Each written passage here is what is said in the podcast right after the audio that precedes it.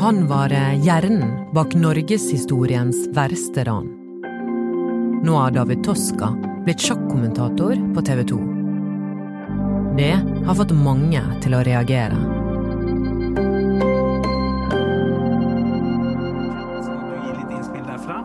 absolutt. Og vår tredje eh, person i dag, det er en gjest, eh, og du er du er mer berykta enn berømt, David Ja. Toska, for du har sonet en lang fengselsdom for din eh, rolle i Nokas-ranet i 2004. Hvordan har du det?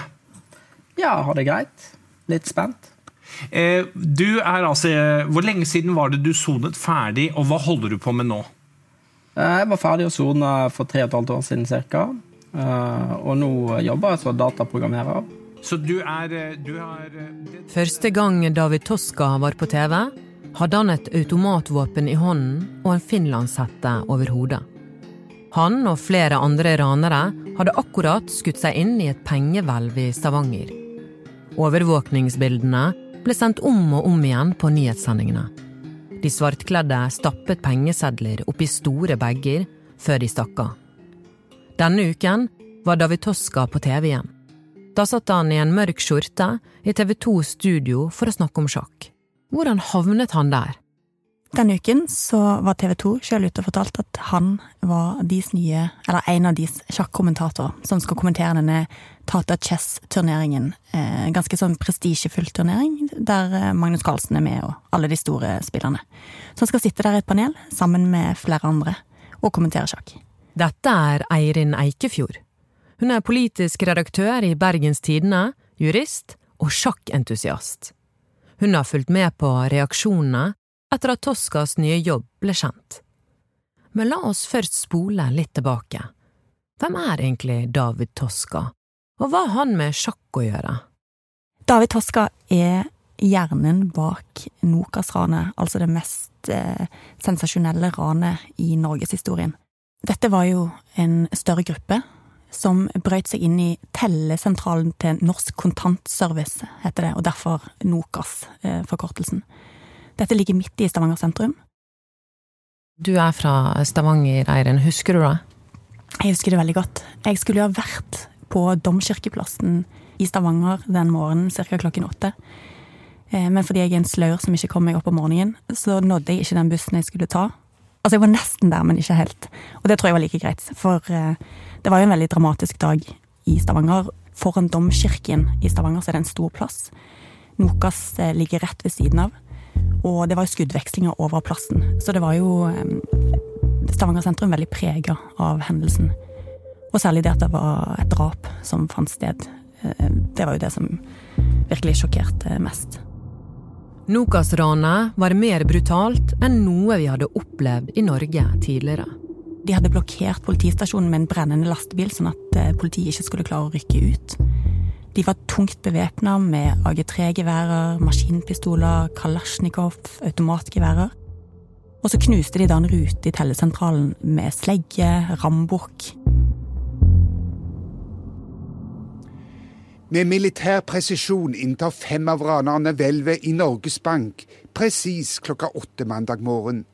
Først lammes de ansatte med tåregassen som sendes inn i lokalet. Så tømmes stålkassene for penger. Hele aksjonen er over på tolv minutter. Ranerne har hatt detaljkunnskap om banklokalene og nabobygget de tok seg inn gjennom. Da politiet rykket ut til stedet, begynte en av ranerne å skyte mot kommandobilen. Politimannen som satt bak rattet, het Arne Sigve Klungland. Han prøvde å rygge vekk, men han ble skutt i hodet og drept. For mange av de ansatte i Nokas har ranet gitt livslange traumer. Jeg tror det var over 100 skudd med automatvåpen. Så det var jo både godt planlagt og, og godt gjennomført. De klarte å komme seg unna. Eh, Nesten 60 millioner hadde de med seg. Og de hadde jo fluktbiler plassert rundt omkring, så dette var jo en gigantisk operasjon som mange folk hadde begynt å planlegge lang tid i forveien. Mesteparten av pengene er fortsatt sporløst borte, selv om politiet satte inn store ressurser på å finne dem. Toska har sagt at han rotet bort sin andel, og mer enn det. Jakten på utbytte førte annet til en gård i Innlandet. Der skal noe av Nokas-pengene ha blitt brukt til å etablere en plantasje som kunne produsere flere hundre kilo marihuana i året. Etter at bakmennene ble dømt, fikk gården en ny beboer. Anders Behring Breivik. Han lagde terrorbomben på låven. Etter ett år på flukt ble David Tosca pågrepet i Spania. Han tilsto å ha stått bak. Én etter én ble de andre tauet inn av politiet. Til sammen ble 15 personer dømt i rettsoppgjøret. Tosca er hovedmannen bak Nokas-ranet. Under selve ranet var han leder for ranslaget og for den gruppen som rykket inn i tellesentralen. Han var bevæpnet. For å knuse vinduet inn til tellesentralen skjøt han en rekke skudd inn i lokalet, til tross for at han ikke kunne vite sikkert om det befant seg personer der inne. Tosk hadde også hovedansvaret for å planlegge og forberede ranet. Da han flyttet til Sandnes høsten 2003, vurderte han muligheten for ulike former for kriminalitet i Stavanger-området, og utarbeidet etter hvert en plan om å rane Nokas.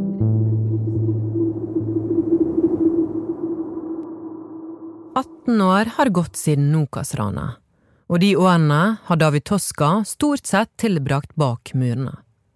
I fengselet har han tatt en eh, bachelorgrad i matematikk, før han begynte på en grad som dataingeniør. Og så begynte han å spille sjakk igjen. Han var en habil og lovende sjakkspiller i sin ungdom. Han eh, spilte blant annet norgesmesterskap i 1989, da var han vel 14 år. Han ble òg nevnt da eh, i sjakkspalten i Aftenposten. Han har jo vunnet mot folk som i ettertid har gjort det veldig skarpt. Eh, jeg tror nok det riktige betegnelsen for han er lovende, at han var god. Han har jo ikke fortsatt å spille jeg, aktivt eller profesjonelt i voksen alder. Kunne jo kanskje blitt ganske god hvis han hadde fortsatt eh, og ikke brukt eh, kapasiteten sin på å planlegge ran og innbrudd. Nå har han vært en fri mann i tre og et halvt år.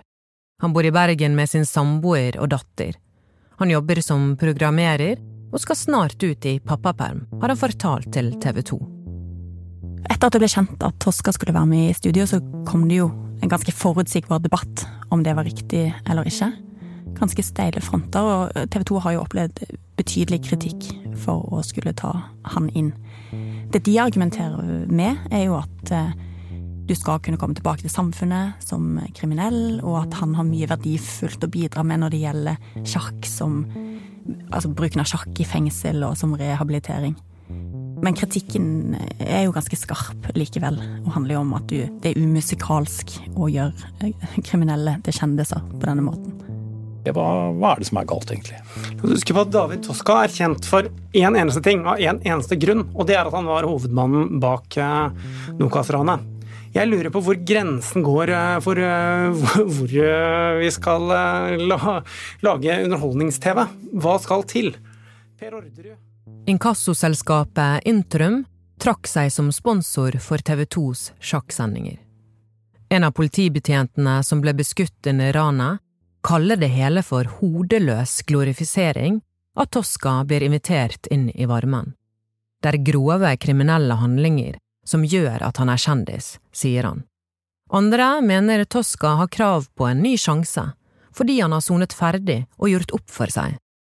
Sønnen til den drepte politimannen synes det er bra at Tosca er blitt sjakkommentator, at domfelte kan bidra til samfunnet. Hva mener du da, Eirin? Jeg er veldig opptatt av at folk som har sona straffen sin, skal kunne komme tilbake til samfunnet og få en ny sjanse. Og det må jo òg gjelde i offentlige roller og på TV. Så jeg ser jo ikke noen problemer med at Toska har takket ja til dette oppdraget, på lik linje med andre som blir spurt. Og han har jo som sagt noe å bidra med. Han har vært en habil sjakkspiller. Eh, så rent sånn faglig så har han jo vel så mye å si i det studioet som mange andre gjester på andre sjakksendinger har. Det som jeg syns gjør saken litt usmakelig, er jo at han åpenbart er blitt invitert fordi at han er en kjent person, og at den kjendisstatusen er basert på at han var hjernen bak norgeshistoriens største ran. Så dette skjer jo ikke på tross av, men på grunn av grove kriminelle handlinger. Og det syns jeg er ganske vesentlig. For hele poenget med å komme tilbake til samfunnet er jo at du skal gi folk en ny sjanse, på tross av det de har gjort. Men her blir jo han spilt inn fordi folk kjenner han fra disse eh, handlingene. hvordan synes du Tosca gjorde det på skjermen? Han er jo ikke en veldig karismatisk person. Nå så jeg bare innledningen der han kanskje virker litt utilpass. Og det forstår jeg jo at han er. Det var tydelig at det var litt høye skuldre i studio. Og det handler jo kanskje om at eh, kritikken har vært veldig massiv. Blir Tosca fast gjest i TV 2-sporten fremover? Det har ikke kanalen svart helt tydelig på. Bare at det er snakk om å få noen flere sendinger i første omgang, og at vi får se hva som skjer i fremtiden. Du har hørt på en podkast fra Bergens Tidende. Denne episoden er laget av Rune Christoffersen, Anna Offstad, Henrik Svanevik og meg, Anna Magnus. Du har hørt klipp fra VG, NRK og TV 2.